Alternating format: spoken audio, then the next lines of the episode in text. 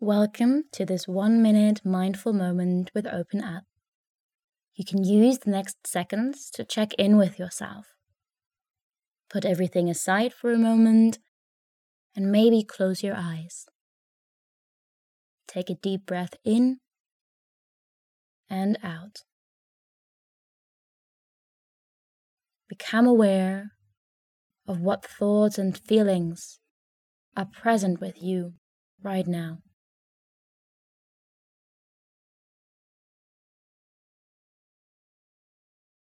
Maybe something comes to your mind that you can do for yourself today.